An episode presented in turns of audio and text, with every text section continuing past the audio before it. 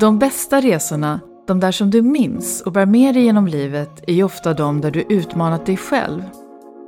När du vågade vara modig och nyfiken och samtidigt var ödmjuk inför andras upplevelser och kände respekt för hur andra ser på sig själva och på världen. Jag heter Eva Korselewski och jag har världens roligaste jobb. Att rekrytera riktigt bra ledare. Nu ska du få ta del av några fantastiska människors ledarskapsresor där de generöst bjuder på sig själva och delar med sig av sina personliga erfarenheter och reflektioner. Varmt välkommen till Ledarskapsresan. Stefan Nilsson, präst och direktor på Ersta diakoni. Vad menar Stefan med att vi alla har en kallelse? Och vad innebär det att se det existentiella djupet i det vi jobbar med varje dag? Och vad skapar det för känsla hos människor?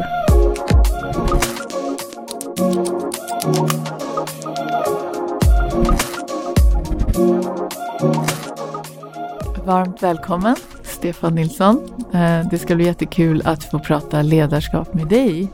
Eh, och eh, vi har ju känt varandra nu i över 13 år har vi konstaterat. Ja. När jag var med och fick förmånen att rekrytera dig.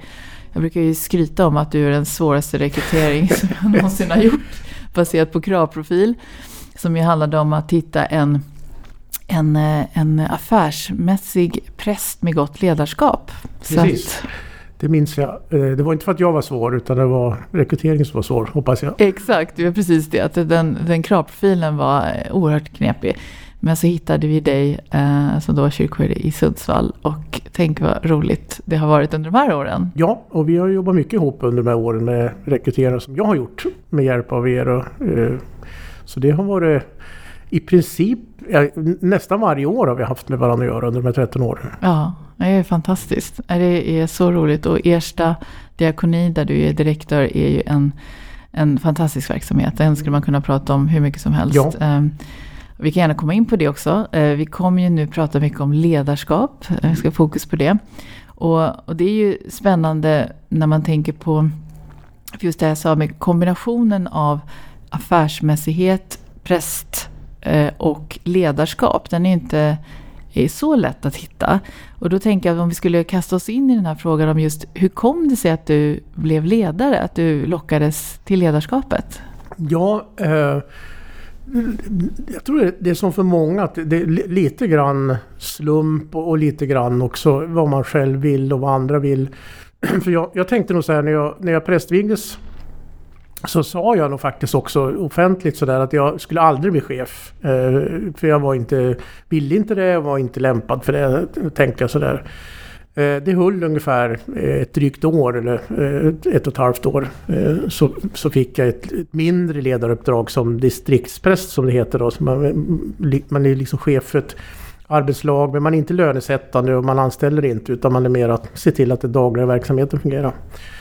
Eh, och då fick jag ganska snabbt eh, lite ska säga, återkoppling om att det fungerade bra. Och jag själv trivdes och, och, och märkte också att det var inte så hemskt. Eh, det, det, det, var några svåra frågor som måste hanteras men det gick också sådär att lösa. Och då kände jag väl att nej men det här kanske var någonting ändå. Och, och sen så har det bara fortsatt eh, på något sätt med lite jag brukar kalla det lite slump och lite tur och kanske också någon, någon e egen insats.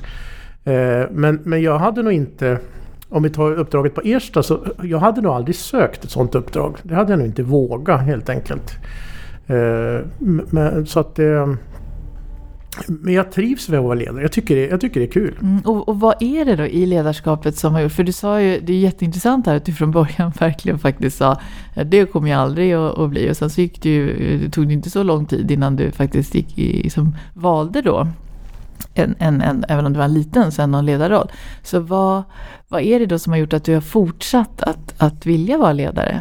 Jag tror det är lite grann det här att Eh, från början kanske jag hade bilden, och kanske en del människor att, att ledarskap handlar väldigt mycket om det här formella chefskapet. Dels väldigt mycket administration, eh, väldigt mycket liksom teknikaliteter och väldigt mycket också kanske bilden av forna tiders chefer, att man också måste kunna allting själv, eller i alla fall tro att man kan allting själv. Så, så vara in och peta i allting eh, sådär.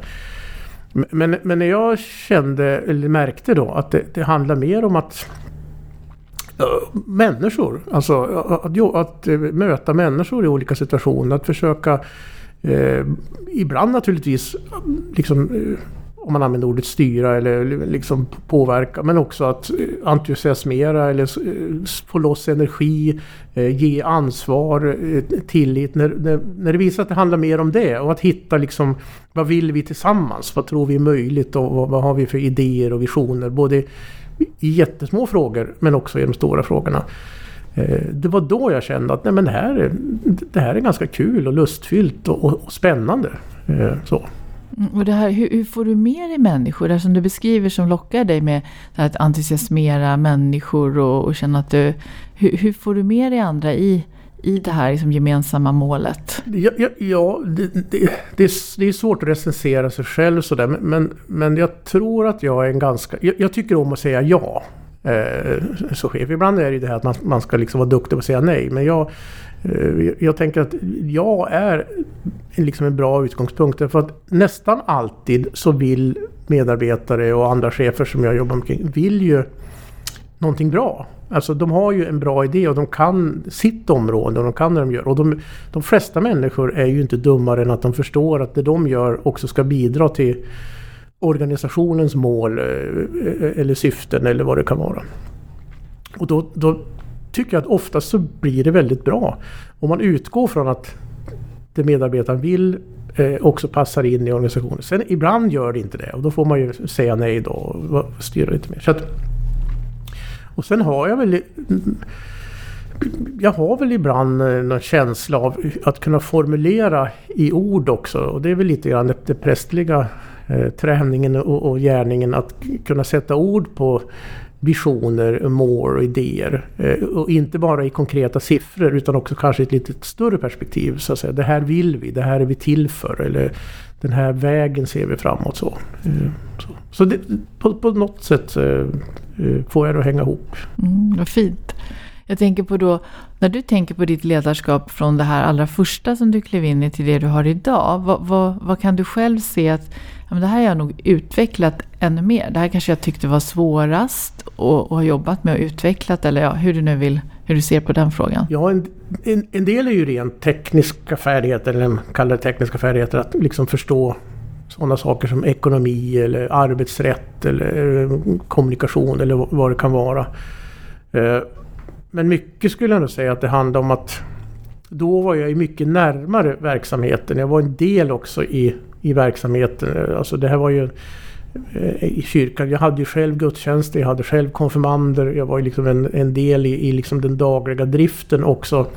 På ett helt annat sätt än vad jag är idag. Så att det här att kunna så att säga, leda på, på lite avstånd om man använder uttrycket. Inte från människorna men från, från verksamheten. Eh, Ersta är så stort och så komplext och, och, gör ju saker som jag inte alls eh, kan eller förstår. Alltså jag kan ingenting om mag-tarmkirurgi. så. Men att, att, kunna se att det är inte det som är min, eh, min uppgift att vara med och styra det. Utan det är mer det här att styra helheten eller storheten om man använder uttrycket. Det är ju en träning. Eh, så. Det, och det får man lära sig eftersom eh, när, när man får större uppdrag eller en organisation som är större. Jag tänker också på det här att du är präst i Svenska kyrkan, kan tilläggas. Um, hur, hur tycker du att det, att det tillför i ditt ledarskap? Det, det kanske är svårt att prata i generella termer om jag, om jag skulle vara chef på liksom en bank eller ett, ett bilföretag. Eh, det kanske också skulle vara en styrka där. Jo, jag tror att det skulle vara en styrka i alla sammanhang just det här med, med språket. Att man, man får den här språkliga träningen och kunna använda språket också för att liksom motivera och förklara och visa. Eh, men på Ersta är det ju så väldigt tydligt därför att där är ju liksom det, det prästliga identiteten är ju så nära förknippad med Erstas uppdrag och vad Ersta vilar på. Så där är det ju en väldig styrka att kunna använda eh, det språket och de berättelser som finns i den kristna traditionen för att motivera och förklara vad Ersta håller på med. Och vart vi vill. Eh, så. Men jag tror nog att det... Jag tror att många ledare skulle liksom eh, bli styrkta av att liksom få lite den här om vi kallar det andliga eller ex existentiella djupet i, i det man håller på med och se att även att tillverka bilar eller att driva en bank eller att eh, driva ett bageri eller vad man nu gör också kan vara någonting större än att bara det man producerar eller säljer eller eh, så. Eh, att, att, få, få liksom medarbetarna att se att man, Eh, man är en del av ett större sammanhang. Eh, för det skapar en stolthet tror jag och också en känsla av att göra någonting viktigt. Även om det man till, på dagen gör kanske inte verkar så märkvärdigt. Men att ändå göra den här kopplingen till ett större sammanhang. Men har du någon uppfattning där om, om, den här, om det har blivit ett ökat intresse för den här typen av, man säger, av, av en andlighet eh, i Sverige? Eh, eller ser du motsatt trend? Eller vad ser du? Både och tror jag. Jag tycker nog att många inom näringslivet är mer intresserade, inte specifikt det kristna eller liksom en, en religiös identitet, men, men mer det här att förstå att medarbetarna mår bra eh, av det här lite av andra eh, ska säga, delar av livet. Eh, vi, vi, hade besök av en professor från eh, Kungliga Musikhögskolan igår på Ersta. Det, det, här med kulturens betydelse för hur vi mår och vad vi också då presterar på jobbet. Att, eh, det, det, det, är viktigt att få in kultur på arbetsplatsen. Det är viktigt att få in de här djupare samtalen, det existentiella. Så det, det tycker jag att jag ser. Eh, däremot så finns det liksom, tycker jag också en motrörelse lite grann idag, särskilt inom politiken. Där det kanske går nästan åt andra hållet då, lite grann. Eh, med liksom mycket mer eh, hårdare tag, eh, mer, man pratar mycket om ordning och reda. Eh, man snävar in livet, tycker jag, eh, på ett olyckligt sätt. Och också en konstig diskussion om, om religioners betydelse eller plats i samhället också. Så att båda delarna. Men i, i, samhället i stort så tycker jag att jag ser en det jag då tycker är en positiv utveckling. Mm. Och där, nu blir jag jättenyfiken såklart när du säger där en, en, att det är en konstig diskussion om religionens betydelse i samhället. Vad tänker du på då speciellt? Ja men lite grann, alltså Eh, både liksom en, en, eh, eh, en rörelse så att säga, där liksom, eh, religionen ska vara med och styra samhället eh, som jag inte alls tycker är, är bra. Eh, en, en, liksom ett samhälle måste vila på sekulär lagstiftning och och någonting som i princip alla människor kan ställa upp på. Å ena sidan. Å andra sidan ett ifrågasättande av religionens plats överhuvudtaget. så Eh, och som inte heller är bra tror jag. För att eh, jag tror att människor är, om man använder uttrycket, andliga varelser. Och vi behöver det som är, vi pratar om tro och religion i våra liv. Oavsett om vi tänker att religionen är sann eller inte så, så, så, så har den en viktig funktion att fylla. Så att vi måste hitta, tror jag, en balans där vi eh, tillåts leva våra liv utifrån en tro. Men naturligtvis inte kan kräva att hela samhället ska inordnas efter det. Mm. Intressant, det låter ju som att det, det kan ju bli väldigt snävt ibland. Eh, ja. Det, det, är lite, lite räddhågset. Så. Det blir räddhågset och, och, och, det blir också en, en, försiktighet som ibland går för långt eh, åt båda hållen. Eh, så. Och, och, naturligtvis också religiösa företrädare måste ju också förstå att eh, liksom, ett land som Sverige aldrig kan vila på en, en specifik religions idé, varken kristendomen eller islam eller vad det kan vara. När, det gäller lagstiftning eller hur vi ordnar, när vi pratar om jämställdhet eller annat. Men samtidigt så måste man kunna få leva som kristen i Sverige och muslim i Sverige eh, också. Eh, så långt det, det är möjligt. Och vi måste kunna göra det tillsammans också, ja, bredvid varandra. Eh. Mm. Verkligen. Och jag tänker på det nu när vi pratar om eh, den här typen av, om man får säga det, mjuka värden. Eh, så tänker jag också på något som jag har sett under de senaste åren väldigt tydligt. Att det, det sker en förskjutning tycker jag med att, att man, man har pratat mycket, man har, man har haft en bild av ledaren som den här tydliga liksom, bestämda som sitter inne med alla svar. Lite i det här som du, som du också sa, att du kanske hade en föreställning om att chefen ska kunna allt och så vidare.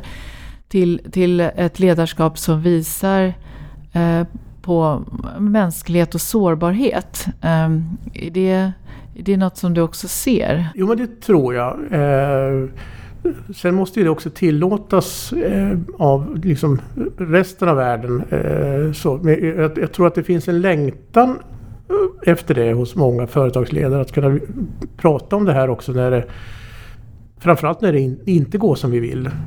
Så att säga. Och, också kunna prata om det här så att säga, livet utanför en verksamhet man är satt att leva. För jag, jag, jag säger ju ofta det, jag vill ju ha chefer och medarbetare som gör sitt allra bästa på jobbet och, och som så att säga, eh, drivs av att vilja lära och utveckla. Men jag vill ju också ha chefer och medarbetare som har ett annat centrum i livet än jobbet. Det vill säga som ser livet utanför med allt vad det innebär av familj och vänner, kultur, natur, eh, det andliga. Eh, som liksom det, det stora egentligen. Eh, sen är jobbet jätteviktigt. Och det tror jag att många chefer längtar efter att liksom kunna säga det. Att eh, jag är chef här, det är jätteviktigt men, jag lever inte för det här. Eh, så. Och, kunna prata om det här också jag, jag förstår att det är svårt men, men, men det här att misslyckas. Eh, för alla chefer misslyckas någon gång. Sen finns det ju alltid en gräns för hur mycket man får misslyckas innan man måste lämna sitt uppdrag. Men, men alltså de misslyckanden som vi har som vi ändå går att hantera och som vi har under resan. De måste vi också våga prata om och inte låtsas som att de inte har hänt eller att det egentligen inte var ett misslyckande. Eh, sådär. Och jag tror att vi, vi ser en utveckling där det finns plats mer för det. Om jag uppfattar det, det här att, att absolut att känna ett engagemang, ett genuint engagemang för sitt, för sitt uppdrag och sitt jobb. Men, men att samtidigt kunna ha en hälsosam distans. Att det finns andra värden i livet som också är viktiga. Ja men precis och, och, och liksom vad lever vi för ytterst? Eh, så. Och jag, jag är väldigt, jag pratar ju gärna om kallelse. Eh, så att vi, jag tänker ju att alla människor eller inte alla, men många människor är kallade till sina yrken. Inte bara präster och läkare som man kanske brukar prata med ibland, utan alla. Eh, så att säga, även om man är, jobbar med rekrytering så är, man kallad till det. Därför att det är någonting man är, känner att man trivs med själv, man är duktig på det. Så att säga.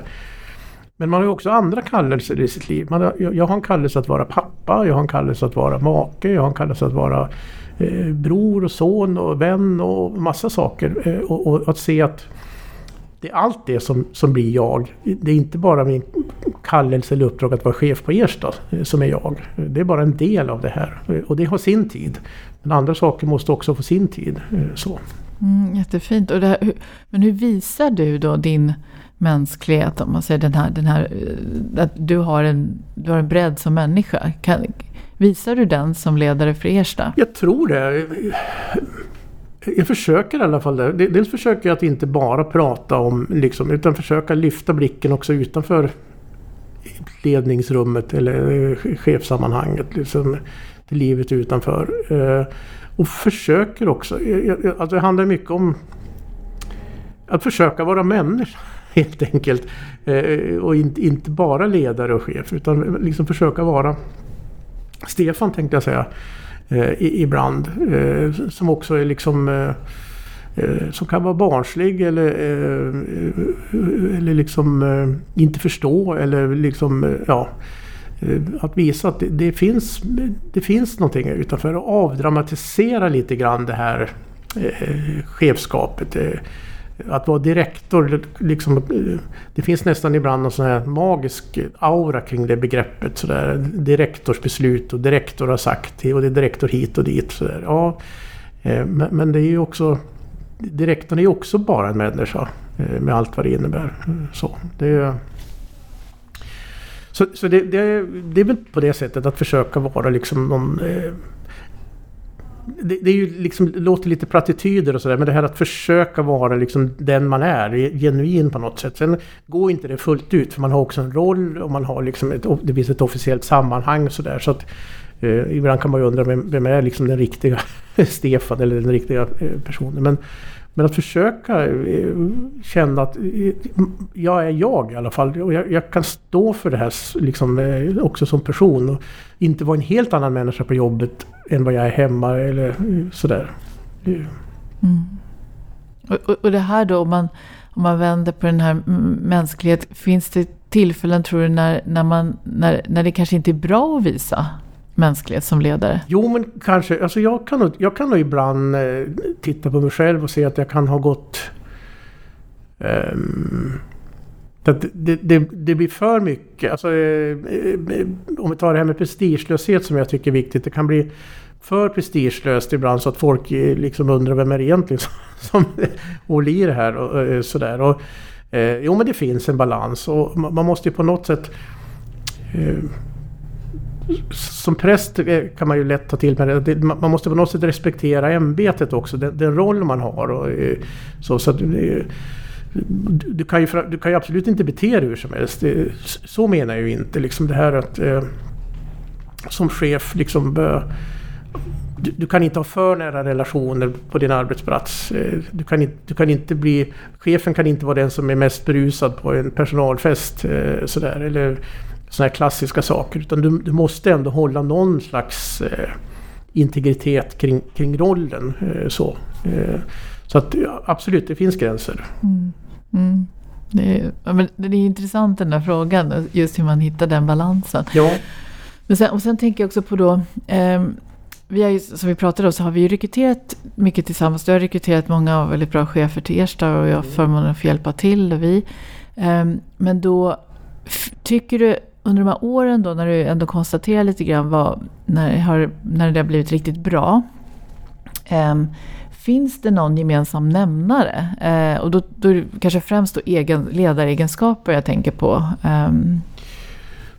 Ja, det finns det. Eh, jag skulle säga att en, en gemensam uh, sak som jag kan se det är den här förmågan till att ta ett eget ansvar kring det uppdrag man har. Som, alltså det specifika uppdrag man har. Om man är sjukhuschef eller ekonomichef eller kommunikationschef eller vad man är. Att det, man, man behöver driva det området vilja någonting så att säga. Eh, men att man också gör det och stämmer av med så att säga, vilk, vilket sammanhang har jag hamnat i? Vad är det för organisation? Eh, så att säga inte komma och tro om du har jobbat på Ericsson som kommunikationschef och så kommer du till Ersta att inte tro att nu ska Ersta bli Ericsson. Eh, men, men ta med det här liksom att driva frågan. Eh, så, men också ha en känsla för vart man är och vad är de här stora frågorna i den här organisationen. Det ser jag. Eh, och sen ser jag också det här att, och det har jag sagt många gånger att hur man förankrar som, som mellanchef. Det vill säga, och framförallt om man är chef för en stödfunktion. Om man vill någonting inom HR-området. Att förankringsarbetet sker ute i organisationen. Sen kommer man till mig eh, och lägger fram förslaget att så här, så här skulle vi vilja göra. För då har man så att säga modererat det och, och anpassat och lyssnat. Och då säger jag oftast ja, det låter bra och så kör man. Sen finns det pengar inblandat och så, men vi, vi glömmer det just nu. Eh, istället för att man gör tvärtom, att man först frågar mig och så säger jag ja men det låter som är bra och sen går man på pumpen. Så går man ut och säger nu har jag och direktorn bestämt att vi ska göra så här och så blir det bara stopp. Så de två frågorna skulle jag säga är de mest tydliga. Att våga driva sitt ansvar, eller sitt område, ta ansvar för det. Men i det sammanhang man är. Men också förankra åt rätt håll så att säga och förbereda frågorna i, i rätt sammanhang. För en organisation som Ersta är ganska professionsstyrd Eh, och, och, behöver vara det också. Det, det, är inte peka med hela handen och, och sitta och fatta med massa beslut på direktorns rum utan mycket av beslutsfattandet och de viktigaste besluten på Ersta fattas ju långt ut. Alltså det är ju läkarna som fattar beslut kring liv och död eh, varje dag och sjuksköterskor och, och andra. Så, eh, så det skulle jag säga. Eh, och det tycker jag det har ju ni lyckats väldigt bra med. Eh, vi, vi pratade lite tidigare att det är många chefer som har jobbat länge på Ersta och bidragit till en väldig resa som Ersta har gjort de senaste tio åren. Mm. Ja, det är en fantastisk resa verkligen. Det är, och det är så roligt eftersom ni har så många fantastiskt fina verksamheter på Ersta så det kommer många till, till mm. gagn. Mm. Um, tänker på det då. Du beskriver ju här det är väldigt engagerade människor som, som, som jobbar på Ersta. Det, är så, det finns både sjukvård, det är ideell sektor. Så det, det är de här, mm. jag brukar säga det, det och akademin, vilket också finns eh, i högskolan. Ehm, eh, som inte bara tillhör Ersta ska sägas, men, men Marie Cederschiöld. Eh, men där, där det finns väldigt engagerade, kunniga människor så är det ju ofta det hur får du med dig människor som ledare? Nej, men det, det har väl varit en utmaning, kanske mer de första åren. Därför att det här starka engagemanget kring sitt, sitt eget uppdrag eh, är ju väldigt viktigt. För det är ju liksom, det, är det Ersta är till för.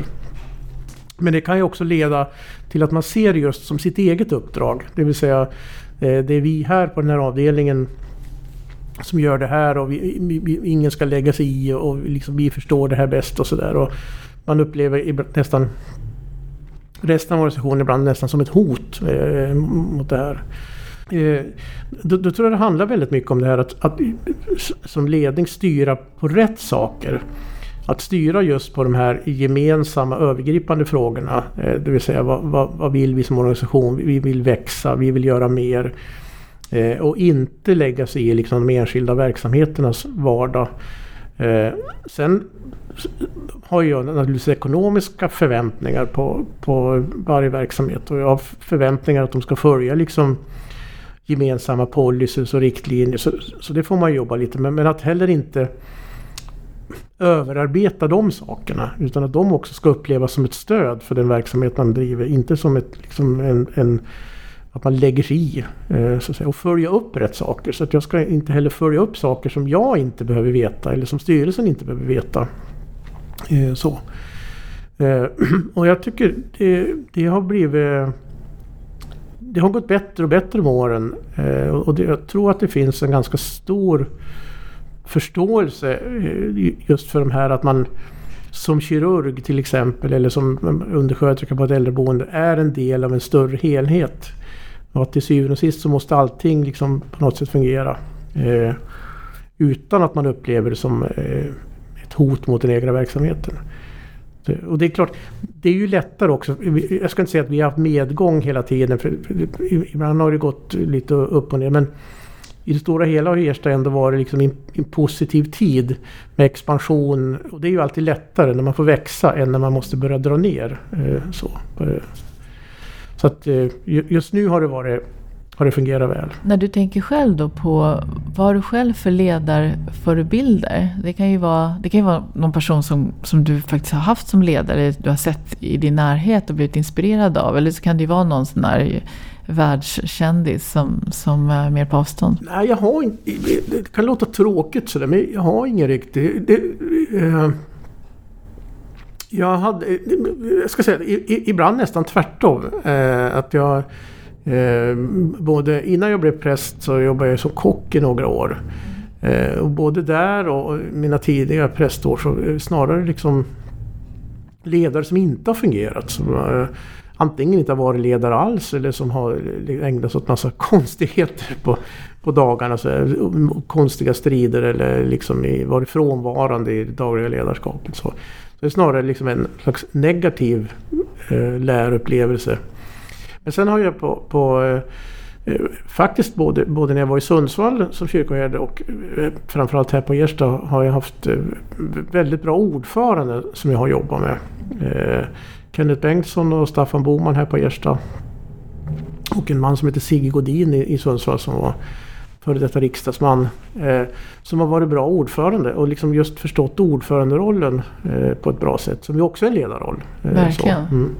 Jätteviktig ledarroll för, för eh, jag har ju funderat lite grann på om jag skulle bjuda in eh, som vd, direktör till exempel, och med styrelseordförande just för att se vad, vad det kan vara för samtal. Just det. Så det, mm. det kanske jag återkommer Det kanske till. ja. Det vore spännande. Mm. Mm, eller hur? Mm. Um, men och, om du skulle säga då, vad, vad, för du är ju också mentor och det är klart att du, det finns många ledare som, som efterfrågar dina råd i, i olika sammanhang. Och vad, finns det något råd som du skulle ge eh, alltså människor som, som antingen funderar på att bli ledare eller är mitt liksom, i ett ledarskap och, och, och liksom, råd, råd från dina, utifrån dina egna erfarenheter? Jag har inte så jättemycket råd till det, men jag, jag tror lite grann som jag var inne på förut att framförallt tror jag att bli ledare därför att du känner en lust till det. Att du vill det. Inte, det, inte därför att det förväntas för att eh, så lite grann som det kan vara inom kyrkan eller sjukvården att när man har varit visst tag så ska man bli ledare eller chef. Det, det, det, det tror jag man ska undvika. Eh, och fundera, om man har lust till det då ska man också ha lite det kan låta knepigt men man ska också känna lite lust till det här också jobbiga med att vara ledare. Att de här jobbiga samtalen. Inte att man tycker det är roligt men att man känner att, det, att man kan hantera det. Att man kan själv ändå må bra efteråt och liksom hantera det här besvärliga. Eh, inte tycka, för, för, tycker man att det är jättejobbigt och man verkligen mår dåligt, då tror jag inte man orkar med eh, på sikt. Eh, och det här lite grann också eh, att vara lite enträgen, eller ja, om man använder uttrycket envis, inte på, på ett positivt sätt menar att man det, det, kommer inte alltid att gå som man har tänkt. Eh, så där. Och då gäller det att inte ge sig utan att eh, jobba på. Så det, det är inga liksom sådana dramatiska råd. Eh, och sen det här också att kunna avvara sig själv. Eh, det vill säga att man behöver inte vara med i allt. Utan istället känn, känn en glädje att, att andra har fattat beslut i organisationen och andra har gjort saker som jag inte ens visste om. Eh, så.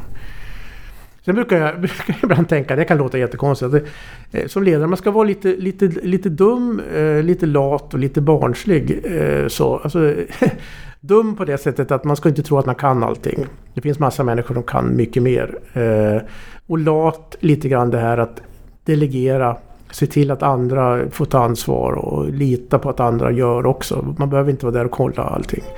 Och barnslig också lite grann det här att det här är jätteviktigt men det är också, det är också inte hela livet. Eh, så.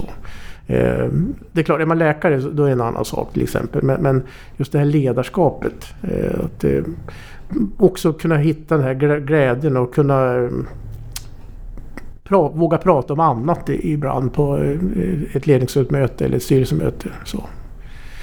Så det är väl det, det är, ja, inga spännande råd men, men eh, lite grann det här.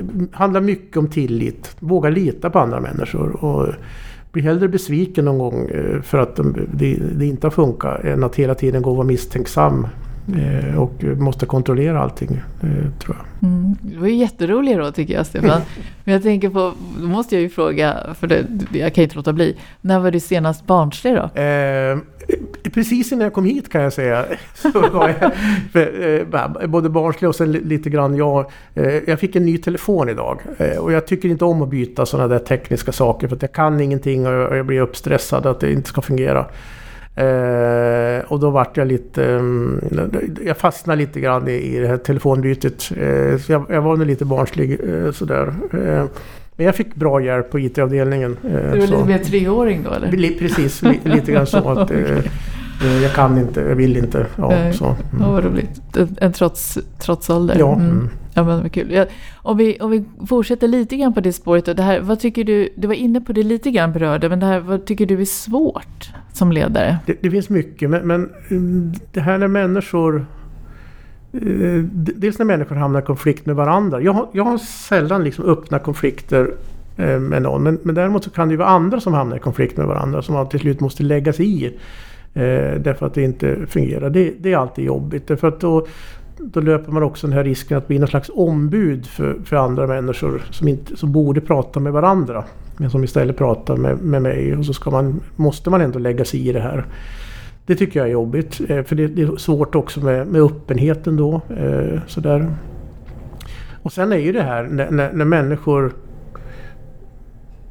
försök, gör sitt bästa och försöker eh, men det blir inte bra. Eh, det vill säga du, du som ledare måste kliva in och säga att tyvärr. Eh, du, själv tycker att det här går bra eh, men, men det fungerar inte. Du, du måste liksom kliva av eller kliva åt sidan. Då, då är det ju andra chefer oftast det handlar om. Så. Det, det är en jobbig situation för det, det tar ju hårt också på, på den andra individen. Och, och då tänker jag att jag tror att man måste göra det som chef ibland. Men jag tror också att man ska försöka göra det med lite omsorg om människan. Eh, så och koncentrera sig just på uppdraget och rollen, inte, inte personen. Eh, så. Mm. Så det är väl det, är väl det eh, tycker jag. För, för, om, om folk liksom verkligen beter sig illa, eller, då är det ju lättare att kliva in så att säga.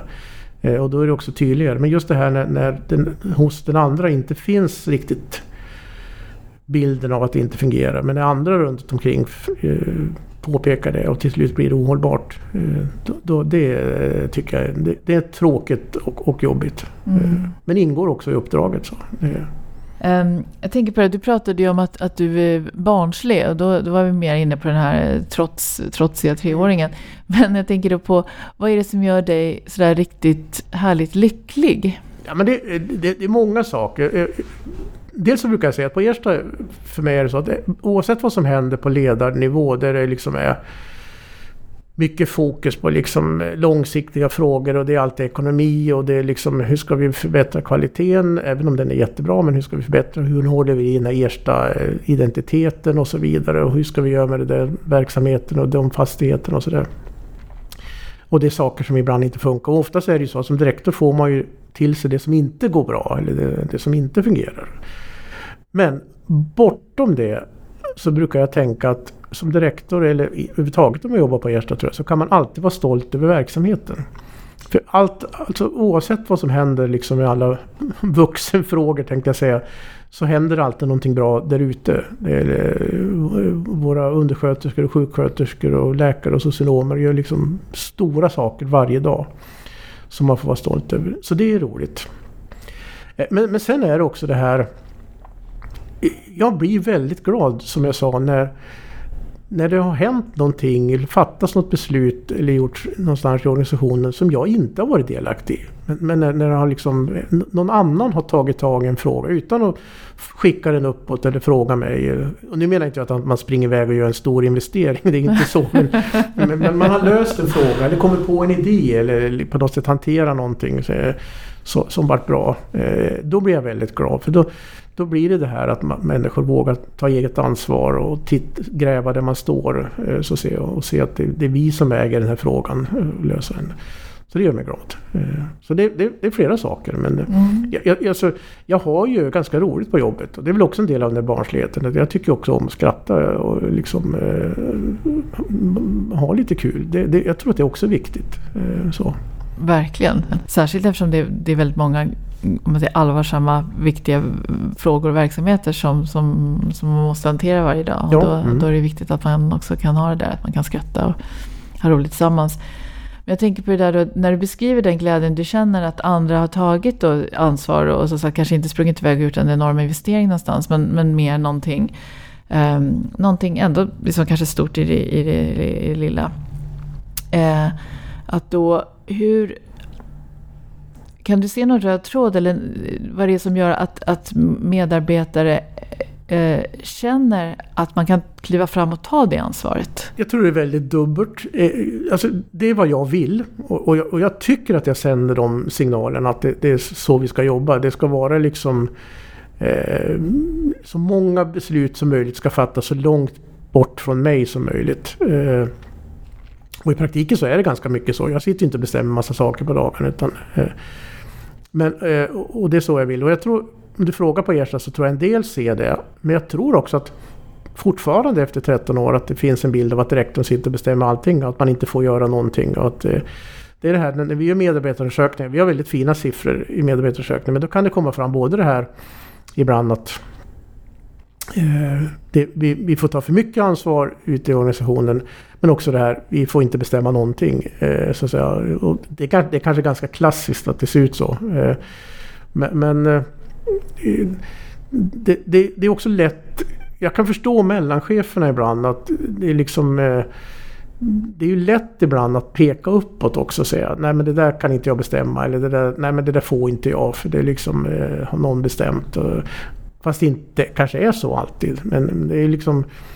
Eh, det är ju alltid jobbigt att kliva fram, framförallt när det gått året och säga att nej men det är jag som har fattat det här beslutet. Eh, att våga göra det. Att jag har sagt att vi ska göra så här. Eh, och det var, det var mitt ansvar när det inte var bra också. Det är alltid lätt och, och det kan ju finnas en lockelse som direktor också. Jag, den försöker jag undvika alltid men, men liksom just det här, nej men det, styrelsen har bestämt. Eller Eh, och nästa led som direktorn har bestämt. Eller nästa led sjukhuschefen har bestämt. Eh, sådär, istället för att våga ta det ansvaret. Och då kan det också vara att man skickar upp frågor. För det känns ju bra att någon annan bestämmer. Eh, så. Men, men det, riktningen är att vi ska fortsätta med det här att flytta ut makt och ansvar. Jag brukar ju vara jättetydlig att jag är inte sjukhuschef till exempel. Jag är inte chef för de sociala verksamheterna på Ersta. Det är inte min roll. Och sen då i nästa led att sjukhuschefen säger nej men jag är inte kirurgchef. Eller vad det nu kan vara. Så. För det finns ju alltid en lockelse i den här om, omnipotenta chefskapet också. Att ja, men jag är chef över allting. Så, så, så, att varje fråga måste liksom... Eh, och det är ju det här gamla chefsledarskapet som vi var inne på tidigare. Ja.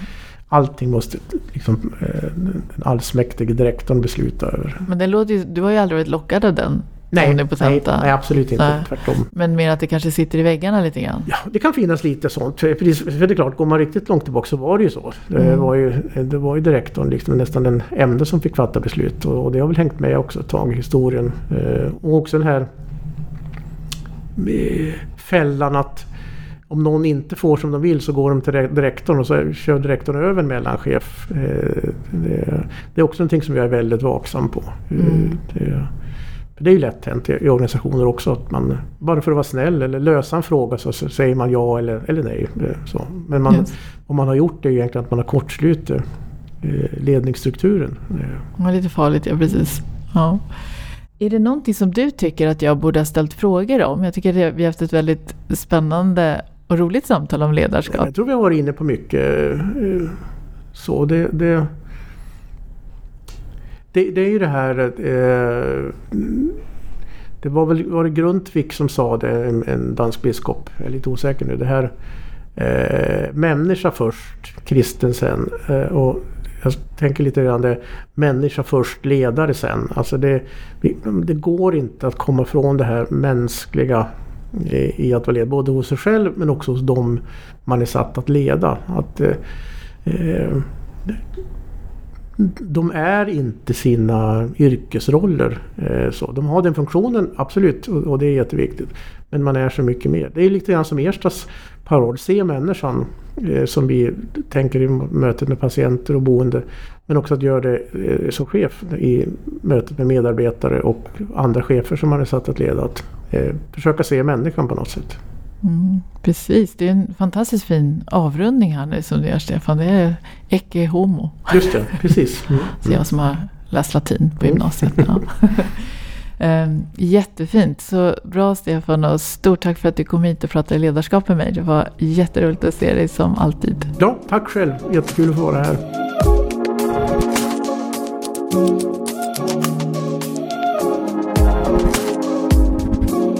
Mm.